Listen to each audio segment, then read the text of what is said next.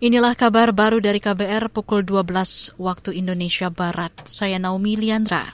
Menko Polhukam Mahfud MD mengatakan banyaknya aktivitas pertambangan yang melanggar aturan mengakibatkan penurunan kualitas hidup dan keuangan negara, mulai dari sektor pajak, royalti hingga retribusi. Selain itu menurut dia, aktivitas pertambangan ilegal juga memperburuk stabilitas Kamtipmas dan kesehatan masyarakat apabila kegiatan pertambangan yang belum sesuai dengan ketentuan peraturan perundang-undangan ini tidak segera ditata, maka berpotensi menghambat optimalisasi pengelolaan sumber daya alam di dalam negeri, sehingga pertumbuhan ekonomi Indonesia yang berkelanjutan tidak dapat tercapai dan ketahanan Indonesia terhadap resesi global tahun 2023 menjadi menurun.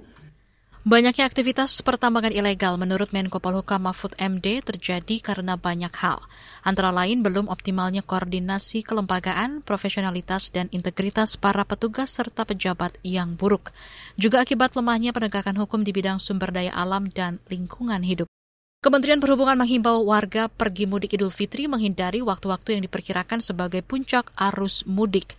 Menurut Menteri Perhubungan Budi Karya Sumadi, peningkatan arus mudik diperkirakan terjadi sejak H-3 atau Rabu 19 April, sedangkan puncak arus mudik H-1 atau Jumat 21 April. Agar memanage waktunya itu tidak berbenturan pada waktu-waktu puncak. Sehingga peak time yang uh, terjadi dalam uh, proyeksi kita itu tidak terjadi.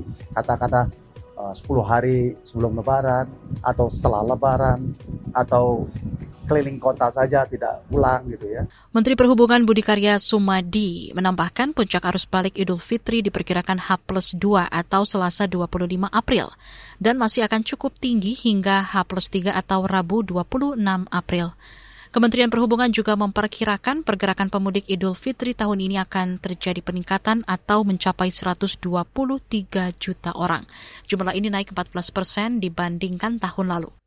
Kedutaan Besar Republik Indonesia KBRI di Bangkok mencatat 92 kasus tindak pidana perdagangan orang atau TPPO yang melibatkan warga negara Indonesia di perbatasan Thailand sepanjang tahun lalu. Jumlah ini meningkat signifikan dibandingkan kasus tahun sebelumnya. KBRI Bangkok dalam rilisnya hari ini juga mencatat mayoritas korban WNI TPPO banyak berasal dari Kalimantan Barat. Provinsi ini dinilai menjadi salah satu lokasi titik keluar bagi mereka yang akan diberangkatkan ke negara tujuan. Demikian kabar baru saya Naomi Liandra.